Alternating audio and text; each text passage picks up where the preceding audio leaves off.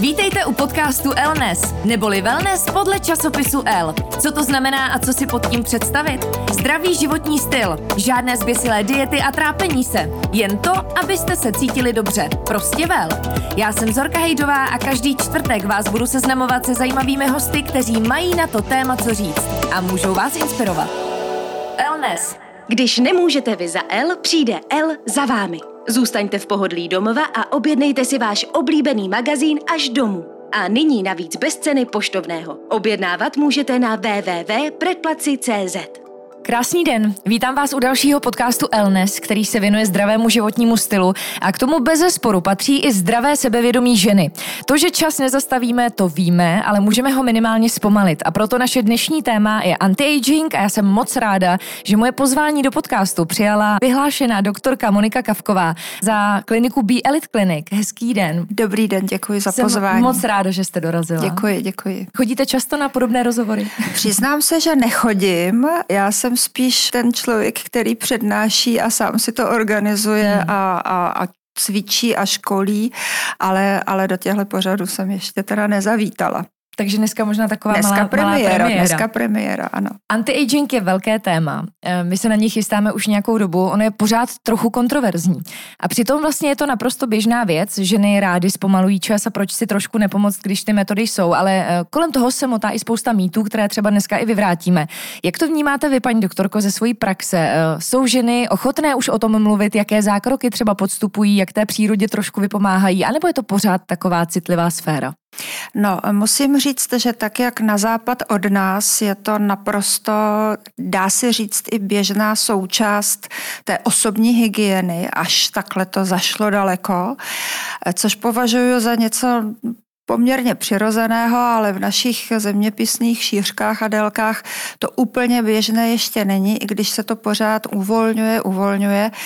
No tak je nutno říct, že i ty klientky jsou daleko více informované a už si nebojí říci co chtějí a už se nebojí ukázat na to, co jim vadí a co by chtěli vylepšit, aby se cítili lépe, protože vlastně celá ta estetická medicína, on už to vychází z toho názvu estetické, je o tom, aby se člověk cítil lépe, když se podívá na něco, co v něm vyvolává libé pocity. To je hmm. přesně de facto definice té estetiky jako takové. A vlastně, když se na sebe my podíváme třeba do zrcadla, tak buď si řekneme, Ježiši Kriste, nechci se vidět, anebo na fotce teďka hodně tím, jak jedou Instagramy a sociální média a fotky, všichni se fotí více než dříve, hmm. tak jako lidi vnímají nějaké nedostatky, které by se daly trošičku poopravit, aby se cítili lépe. Vnímáte možná tu svou práci i jako poslání, dělat ty životy nejenom žen, ale i mužů, protože dneska už eh, samozřejmě i muži vyhledávají podobné zákroky, jako poslání dělat ten život lepší? Děkuji za otázku, protože vy jste úplně udeřila ten hřebíček na to správné místo na hlavičku. Ať se jakkoliv zdá být estetická medicína takovým jako okrajovým a nedůležitým oborem, tak dokonce podle nedávno zveřejněné studie eh, Světové zdravotnické organizace Estetická medicína vedle psychiatrie a psychologie jsou jedními ze základních pilířů péče o zdraví, protože vlastně ta kritéria tři základní pro medicínu jako takovou, kterou dala právě stanovila Světová zdravotnická organizace, je péče o psyché, hmm. to znamená ten psychologický, sociální a zdravotní aspekt. A vlastně ty dva nejdůležitější, ten sociální a psychologický, je je vlastně cílem eh, právě v té estetické medicíny. Takže ano, abych odpověděla na otázku, vnímám to jako poslání a, a vnímám to jako dar, že můžu dělat něco opravdu tak krásného, protože hmm. ty pocity a ty zpětné vazby těch žen, ale i mužů, kteří odcházejí z ordinace a prostě jsou rozradostnění a usmívají se a mnohdy, ať se to zdá jakkoliv přehnané, dostávám třeba dopisy a, a maily a SMSky změnila jste mi život, tak si říkám, stojí to za to. Tak ono to zdravé sebevědomí je strašně důležité a potom může ovlivňovat přesně i ty ostatní sféry toho života, ať už je to vztah s partnerem, ať už je to práce a nějaký naše nasazení a podobně. Přesně tak, hmm. přesně hmm. tak. Dokonce asi před pěti lety dělali v Americe, ale upozorňuji, že Amerika, nějakou studii a ptali se asi 250 respondentů ve věku 25 až 65, proč navštěvují, nebo co je vede k tomu, že navštíví ordinaci estetického lékaře. A první místo bylo, že chtějí být krásnější, ne mladší, ale krásnější. Hmm. Třetí místo u žen bylo, že chtějí být krásné, aby si mohli tím získat bohatého manžela, ale jsme v hmm. Americe. A druhé místo bylo, že chtějí vypadat mladší. Takže opravdu první je to ST, ta beautifikace a ani ne ten anti-aging, ale skutečně hmm. lidi vnímají ten pocit z toho, že vypadají krásně. U mužů to bylo trošičku jinak. Muži chtěli zaprvé vypadat dobře a mladě, protože dobře a mladě znamená, že mají energii a mají lepší pozici na tom pracovním trhu. Mm-hmm. No, aby si mm. potom mohli získat právě tu krásnou, která je chce získat taky pomocí té estetické medicíny. Je to prostě uzavřený kruh, mm. který se točí stále dokole. Jestliže je naše dnešní téma anti-aging, co všechno pod to spadá, co všechno si pod tím představit, protože jsou jak invazivní, tak i neinvazivní zákroky, pojďme to možná trošku rozlišit. No, já bych možná spíš řekla, eh, samozřejmě odpovím na anti-aging, jaké jsou dva úplně nejzákladnější směry v estetické mm-hmm. medicíně dneska. To je beautifikace a anti-aging. Ta beautifikace, to zkrášlování je vlastně určeno osobám mladším, v zásadě mileniálové plus minus eh, nějaký ten rok. A to jsou zákroky, které, ať už jsou invazivní nebo neinvazivní, se soustředí vlastně na úplně jenom jednotlivé oblasti, které chce ta daná osoba opravdu zkrášlit, protože tam nemůžeme mluvit o anti-agingu. A s, mluvím o tom z toho důvodu, že vlastně řekla bych, že těch klientů právě z těch řad mileniálů přibývá čím dál tím více, protože právě díky tomu, že mileniálové mají daleko větší přehled o tom, co se děje, kde si za velkou louží a přicházejí k nám do ordinací a mají skutečně precizní informace o tom, jak se dělá, co se dělá, čím se dělá, jakou mají představu. Oni dokážou formulovat svůj požadavek. Zatímco ta anti-agingová medicína, která se prolíná v určitých bodech s tou beautifikací, protože i ten anti-aging je vlastně s cílem zkrášlit, nejenom zastavit ty známky stárnutí, ale i zkrášlit, tak ty anti-agingové zákroky se týkají žen třeba 40, 45 a plus dál. Samozřejmě jsme individuality a nedá se systematizovat něco, co není systematizovatelné. To znamená, každý má nějaké predispozice, ale ten anti-aging obecně se týká žen, které projevují již určité známky stárnutí. Od kolika let to začíná? no právě u každého jinak. Hmm. Ono paradoxně stárneme všichni a vlastně začínáme stárnout v okamžiku, buňka začíná stárnout v okamžiku, když eh, docílíme anebo překonáme pubertu. Takže my stárneme od nějakých 16-17 let. Už vlastně se začínají jako kdyby opotřebovávat naše tkáně, naše buňky, ale my to naštěstí z velké části dokážeme ovlivnit a to nejen tím třeba povrchovým zákrokem, ale i samozřejmě naším životním stylem. Genetika hmm. je dána, životní prostředí je dáno podle toho, kde bydlíme, ale spoustu toho dokážeme ovlivnit. O jakých zákrocích se bavíme z hlediska těch nejčastějších návštěv a toho, co pacientky a pacienti vyhledávají, je to aplikace botulotoxinu, pokud se jedná o zpomalení stárnutí? Hmm. Celosvětově je číslo jedna v těch mini-invazivních zákrocích aplikace botulotoxínu. Vlastně v ordinacích estetických plastických lékařů, když nemluvím o plastické chirurgii, protože chirurgie to už je ta invazivní část, to už jsou ty, ty invazivní zákroky, kde skutečně se porušuje velmi výrazně integrita kůže a tkáně, hmm. ale u těch miniinvazivních nebo neinvazivních zákroků je taková čtveřice napříč teda skutečně celým světem a to je botulotoxín, to je aplikace výplní, to jsou biostimulace, ty biostimulace jsou všechny zákroky, všechna ošetření, která vlastně nutí tu tkáň, aby odpovídala, aby vyvolávala právě tu tkáňovou odpověď, aby něco sama dělala, aby se probudila a aby po nějakém impulzu, který my mu dáváme, buď třeba vlastní plazmou nebo nějakým přístrojem, se říká EBD, Energy Bias Devices, to jsou ty energetické zdroje, lasery a, a různé chemické peelingy a tak dále, všechny ty, tyhle tyto stimulační nástroje. No a potom nedílnou součástí dneska už takových 13-14 let e, jsou nitě a niťové liftingy. Hmm. Paní doktorko, dá se říct, v kolika by žena měla ideálně začít? Vy říkáte, že už chodí často i mileniálky, které už jsou informované, přece jenom doba je jiná, k těm informacím taky máme jiný přístup. Každopádně od jakého věku třeba se o to začít víc zajímat a případně začít s nějakou prevencí? Ještě před pěti lety byl ten věk, kdy žena celosvětově průměrně přišla na první svoje ošetření botulotoxínem mezi obočím 33 eh, mm-hmm. ještě před pěti lety. Dneska už je to 28.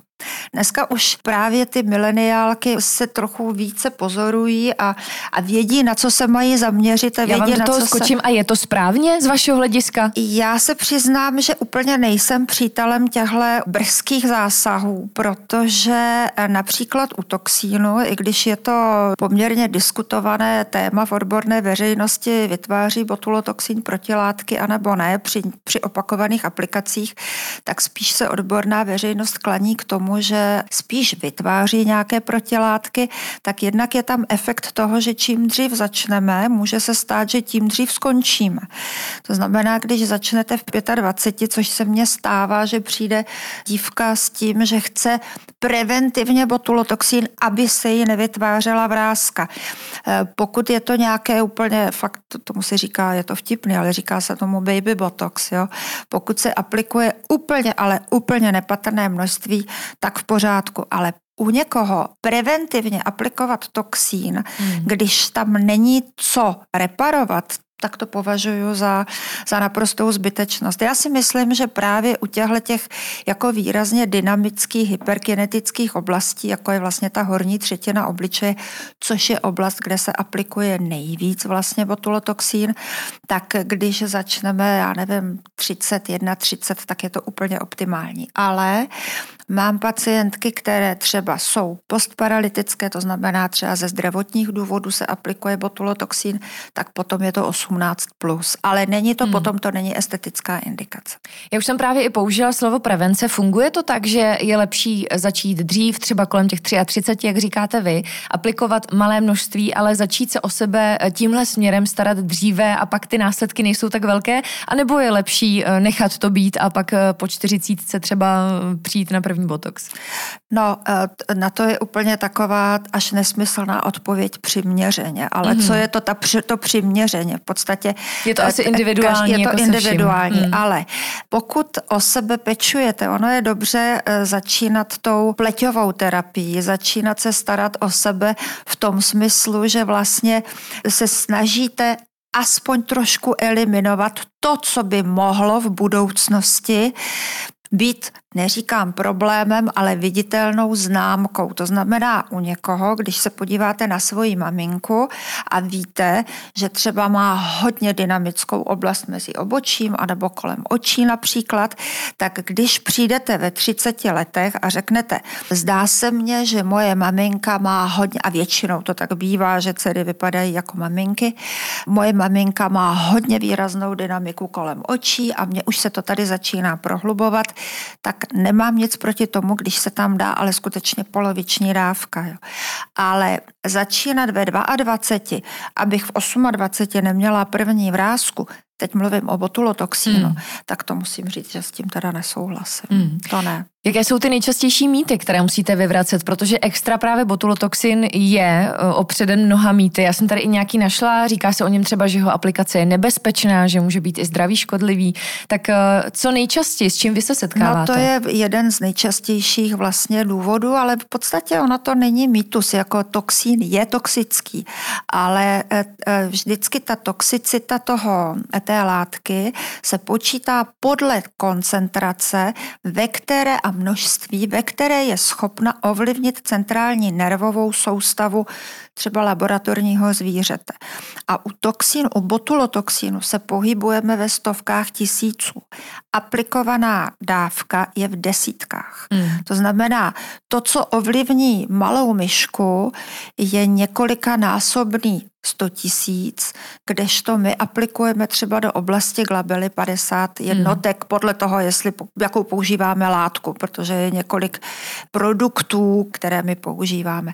Takže tam je to skutečně o té koncentraci, o množství a je to v podstatě stejné, jako když si řekneme, že výfukové plyny jsou toxické. Ano, když si stoupnete k výfuku a budete inhalovat, tak vás to zabije, hmm. pochopitelně, protože je to prostě vysoce koncentrovaný plyn.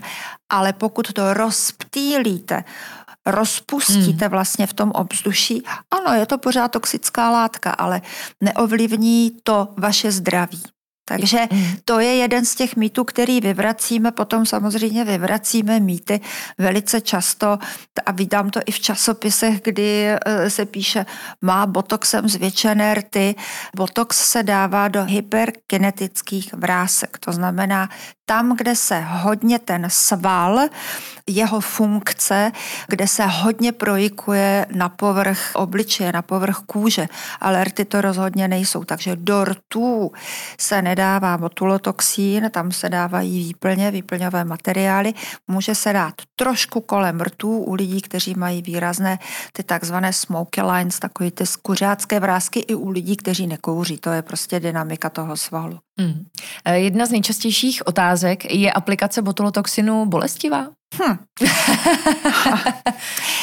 píchne to. Mm. Jo, ta látka jako taková, že by štípala, já si myslím, že třeba aplikace anestezie je daleko bolestivější, přestože se provádí stejnou jehlou úplně, dneska se tomu říká invisible needle, taková ta jako úplně neviditelná jehlička, tenoulinka, inzulínová eh, jehlička.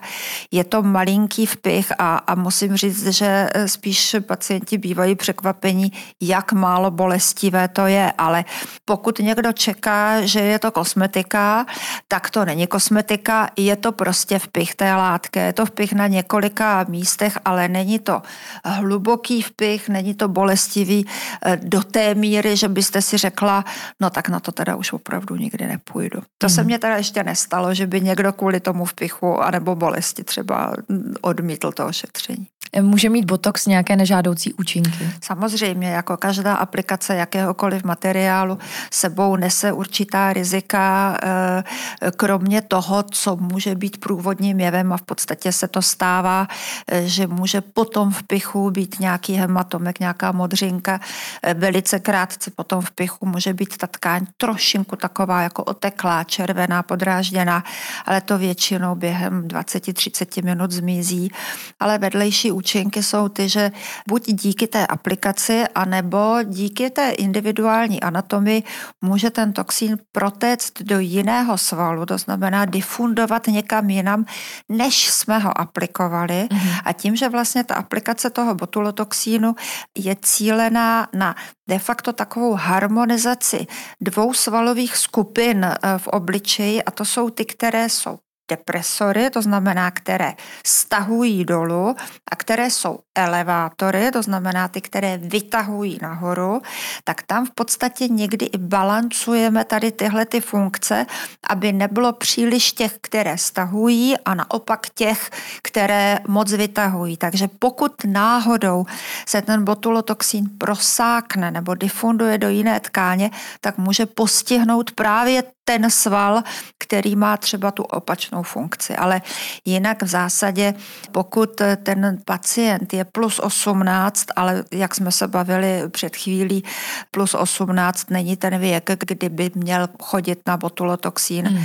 určený jako k estetickému zkrášlování, ale spíš třeba z těch zdravotních důvodů, takže 18 plus nesmí těhotné ženy, nesmí kojící ženy eh, a samozřejmě ti, kteří mají nějaké základní onemocnění. Bavíme se především o botulotoxinu, ale přece jenom všechno se vyvíjí. Já věřím, že i estetická medicína. Zaznamenala jste nějaké novinky, eh, které třeba v rámci toho anti-agingu teď eh, nastupují a možná třeba botulotoxiny nahradí? Dostávám často tyhle ty otázky, protože samozřejmě hodně žen, nebo no, ani bych neřekla hodně, ale jsou ženy, které by chtěly vědět, jestli existuje nějaká náhrada, protože přesně, jak jste říkala, ten toxín mnohdy bývá opředen takovým mm. tím strachem, tím strachem mm. a tím je to toxín, ale zatím se nenašlo nic, co by bylo tak účinné, jako je toxín, který se aplikuje do svalu, protože vlastně ten princip je ten, že úplně jednoduše řečeno, že nerv, který inervuje nebo se stará o ten sval a o jeho funkci, tak ten nerv nedá ten pokyn tomu svalu, aby se stáhnul.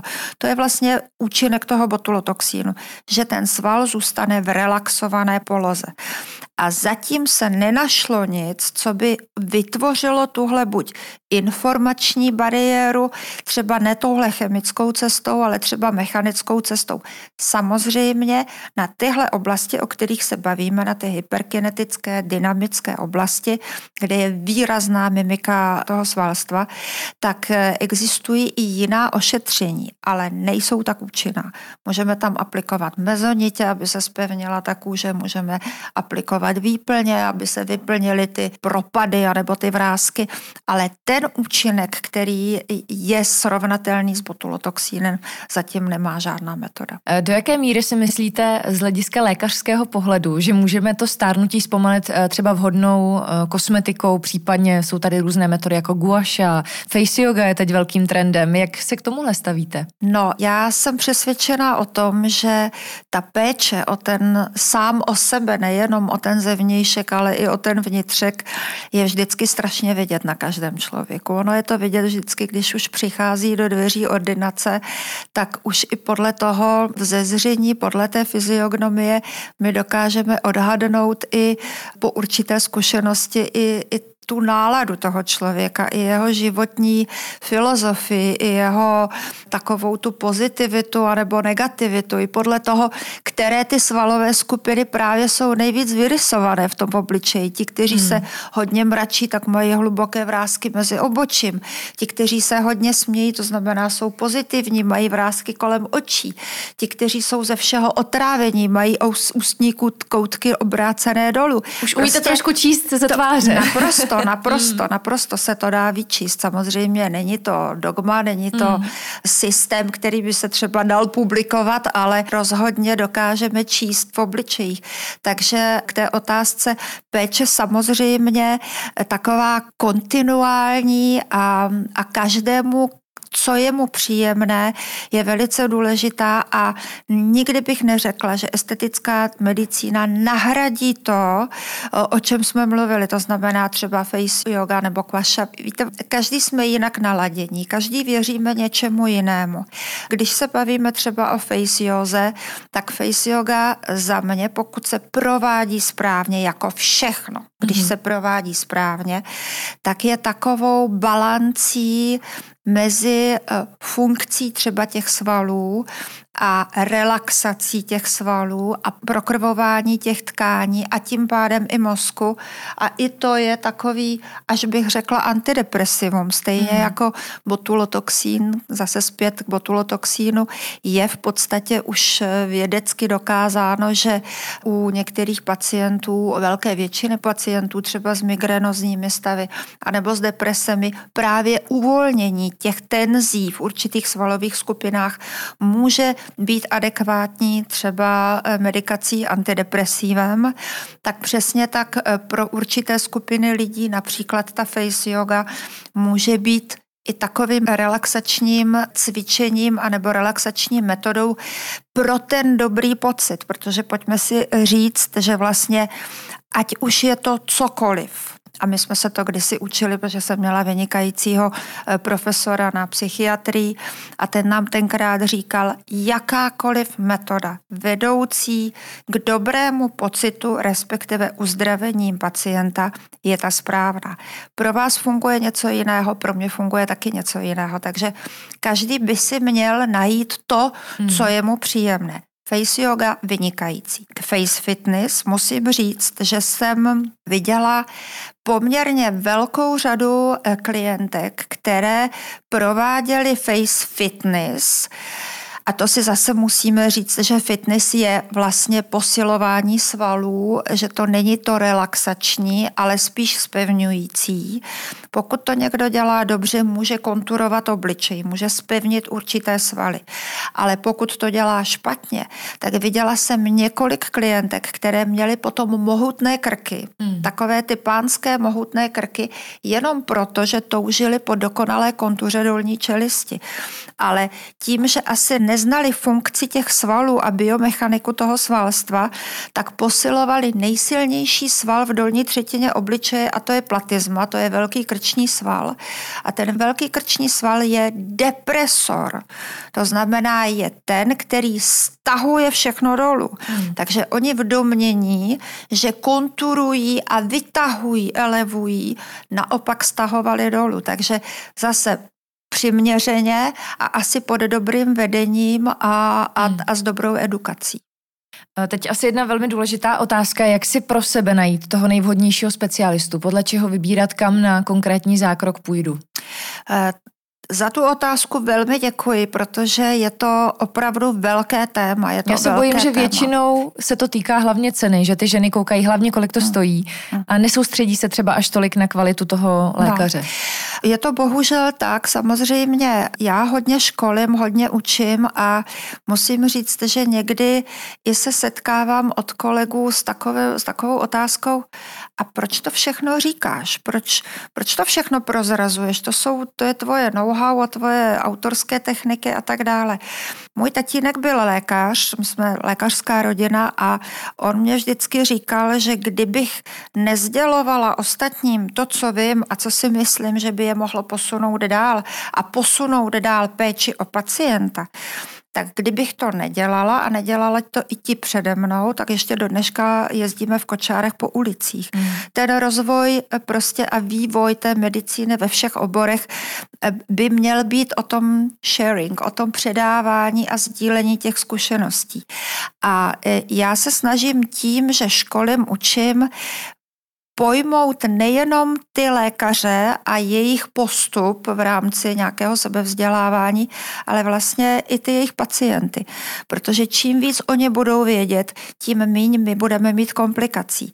A když vidím hodně pacientů, kteří se na nás obracejí a přicházejí s komplikacemi, tak je to většinou ne o nějaké tkáňové reakci toho pacienta, ale o tom lékaři a o jeho aplikační technice. V posledních letech se tohle velmi, velmi zlepšilo a je toho opravdu hodně školení. Firmy nabízejí eh, školení a, a vzdělávací programy a tak dále. My jsme založili u nás na klinice eh, akademii Kavkova Kavkova akademii, kde školíme a učíme, protože těch, kteří třeba si udělají jeden kurz a jenom to mají jako eh, ke svému základnímu oboru jenom takové jako mimo, nemají tu zkušenost a jsou schopni ji dostat, ale je potřeba, aby se stále vzdělávali. Když budete volit svého správného lékaře a budete si chtít být jistá, že když vás ošetřuje na obličeji, což je nejviditelnější část těla, takže neodejdete s nějakou komplikací. Tak vždycky si dívejte na recenze, dívejte se na nějaké debaty na netu, i když ne vždycky musí být odrazem reality. Dívejte se na jeho vzdělání, dívejte se na fotky před a po, eh, ptejte se kolem, podle toho, kde bydlíte, v jaké části republiky, ptejte se, s kým mají ty lidi nejlepší zkušenost a eventuálně se ptejte i toho lékaře. A eh, vždycky ten první dojem, když přijdete do té ordinace, to je ta první signální soustava a ta vám vždycky řekne. To je ta intuice, která vám vždycky něco práskne tak přes nos a řeknete si, jo, tady se budu cítit dobře, anebo ne, prostě ne, jako mm. ne. To je jak s kadeřníkem, ženy s ginekologem, se zubařem. Prostě tam musí nastat důvěra. Pokud, pokud vy nevěříte, tak prostě je to špatně. A bohužel v poslední době eh, se eh, rozmohl trend aplikací materiálů, které patří pouze do rukou lékařům, které nevím, jakým záhadným způsobem se ten materiál dostane ke kosmetičkám nebo lidem, kteří nemají vzdělání. Teďka se tady velmi, velmi hojně řeší v Praze eh, jedna klinika, v jehož čele stojí člověk, který dokonce o sobě píše na, na svých webovkách, už to teda stáhnul, že se učil na YouTube a nemá vzdělání medicínské. Hmm. Naše evropská legislativa neumožňuje dělat estetický zákrok, ať už je mini-invazivní nebo invazivní, to znamená aplikace botulotoxínů, výplní kyselinou hyaluronovou, ani stimulací, ani nití, už vůbec ne, neumožňuje dělat nikomu jinému než lékaři. Takže lidi, kteří se nějakým způsobem zaštiťují nějakou jakousi certifikací, mohli být přítomně na, nějakou, na nějakém kurzu. Ano, mohli být ale neopravňuje je to k tomu, aby prováděli lékařský zákrok. Takže ani kosmetičky, ani šéfové klinik, pokud nejsou lékaři, ani jinak vyškolení, nemedicínsky vzdělaní nebo respektive nevzdělaní lidé to nemohou aplikovat. A vždycky se ptám těch klientů, když třeba přijdou s komplikací, právě z těchto těchto jako kdyby klinik, anebo od kosmetiček a řeknou mě, no ale ona mě říkala, že už teďka kosmetičky můžou. Já chápu, že ty ženy nemusí mít povědomí o tom, co se smí a nesmí a co je eh, právní a protiprávní, ale je to jejich obličej. A když si půjdete nechat vyměnit kolo, tak půjdete k někomu, o kom víte, že on ví, jaký šroubky vám má tam dát, abyste se po cestě z toho servisu nezabila, ale jdete k, k nějaké kosmetičce, která vám bude píchat něco do obličeje a vždycky ukazuju ty fotky, ale opravdu šílené fotky hmm. potom eh, po zákrocích, které se nepovedly od neprofesionálu, protože ten profesionál ví, co s tím. Ta kosmetička to neví. Hmm. Takže opravdu volit, ke komu půjdete, je to tvář a těch komplikací je strašná, strašná spousta, je to škoda. Hmm. Eh, mnohdy můžou být zarážející i požadavky těch pacientů, pacientek. Eh, stává se vám často, že třeba odmítnete provést nějaký zákrok? No velice často. Velice často, velice často, když očekávání toho klienta je jiné, než my jsme schopni mu poskytnout tím výsledkem. Pokud má někdo opravdu nereálné očekávání a myslí si, že podle jedné fotky, kterou mě přinesou ukázat, eh, tak jak na tom face, jak mm. se mu tomu říká všem těm face, face appům, appům a těmhle aplikacím přesně, mm. jedním klikem se dá změnit úplně eh, estetika toho obličeje, tak v té medicíně je potřeba daleko víc než ten jeden klik a ne vždycky je to možný a, a přiznám se, že i v okamžiku, okamžiku, kdy mě někdo ukáže fotku, že chce právě takhle vypadat, tak spíš nastane něco, jako je taková jako jemná komunikace, spíš taková psychologická promluva. Mm. A velmi často eh, se dozví člověk a já se na to ráda udělám čas eh, o nějakých trápeních, protože většinou u těch mladých, u mileniálů, když chtějí něco jako výrazně změnit, tak je to zástupný problém, tak prostě je tam problém v něčem jiném a my dokonce máme návaznost na, na, na klinického psychologa, takže někdy se i stane, že opravdu pošleme za psychologem, protože Je to samozřejmě osobní zodpovědnost každého lékaře a takový to vnitřní nastavení a kvůli čemu to děláte. Jestli to děláte s tou radostí a já chodím za radostí do práce a, a i když jsem někdy unavená, tak je neděle a těším se do práce, protože je to hezká práce s lidma a já si ráda povídám s lidma a ráda je dělám radostnějšími, takže to je taková droga až moje. Hmm. Ale je hodně pacientů, kterým třeba řeknu, ne, tohle vám nepomůže, raději tu částku, kterou jste si našetřila, vemte a jděte na dovolenou udělá vám to daleko líp. A musím říct, že od těchto těchto odmítnutých klientů, se kterými si promluvím, který vyslechnu, prostě je to o péči, je to o pozornosti, tak eh, ty potom jsou takový ty jako nejvěrnější. Ty jsou takový ty, protože vědí a pochopí, že tam nejdou do kliniky a nejsou nějaký úplně no-name pacient, ale jsou prostě konkrétní paní Nováková, která je vítaná, kterou si všichni vyslechneme, usmějeme se na ní a je o ní pečováno, má naši plnou pozornost. A není cílem, aby odcházela a u pokladny něco zaplatila je cílem, aby odcházela a věděla, že jsme pro ně udělali to nejlepší, i když je to jenom to slovo. Mm. A mhm. to není kliše, to tak je. To sestřičky moje by vám řekly, že takhle odchází nevím, možná pětina, sedmina pacientů a ti se potom vracejí třeba s rodinou, protože řeknou, hele, tam s tebou nesed, ne, s tebe nesedřou kůži a ne, nezaplatíš tam strašný peníze, ale prostě dostaneš skutečně jenom to, co ti udělá dobře. Tak já moc děkuji za krásnou tečku na závěr našeho rozhovoru. Já myslím, že i to všechno, co jste zmínila teď v těch posledních větách, eh, je důvodem, proč jste jedna z nejvyhledávanějších a nejúspěšnějších lékařek u nás eh, v oboru nejenom anti-agingu, ale vůbec estetické medicíny. Děkuji moc, že jste přijala naše pozvání do podcastu Elnes. Mým hostem byla doktorka Monika Kavková za kliniku B Elite Clinic. Díky. Moc krát děkuji za pozvání, bylo to příjemné. Dnes to bylo o anti-agingu, o tom, jak lze zpomalit čas, o tom, co je zdravé a co už ne. No a příští týden zase u jiného tématu v podcastu Elnes. Tento podcast vám přináší L, nejčtenější módní časopis na světě.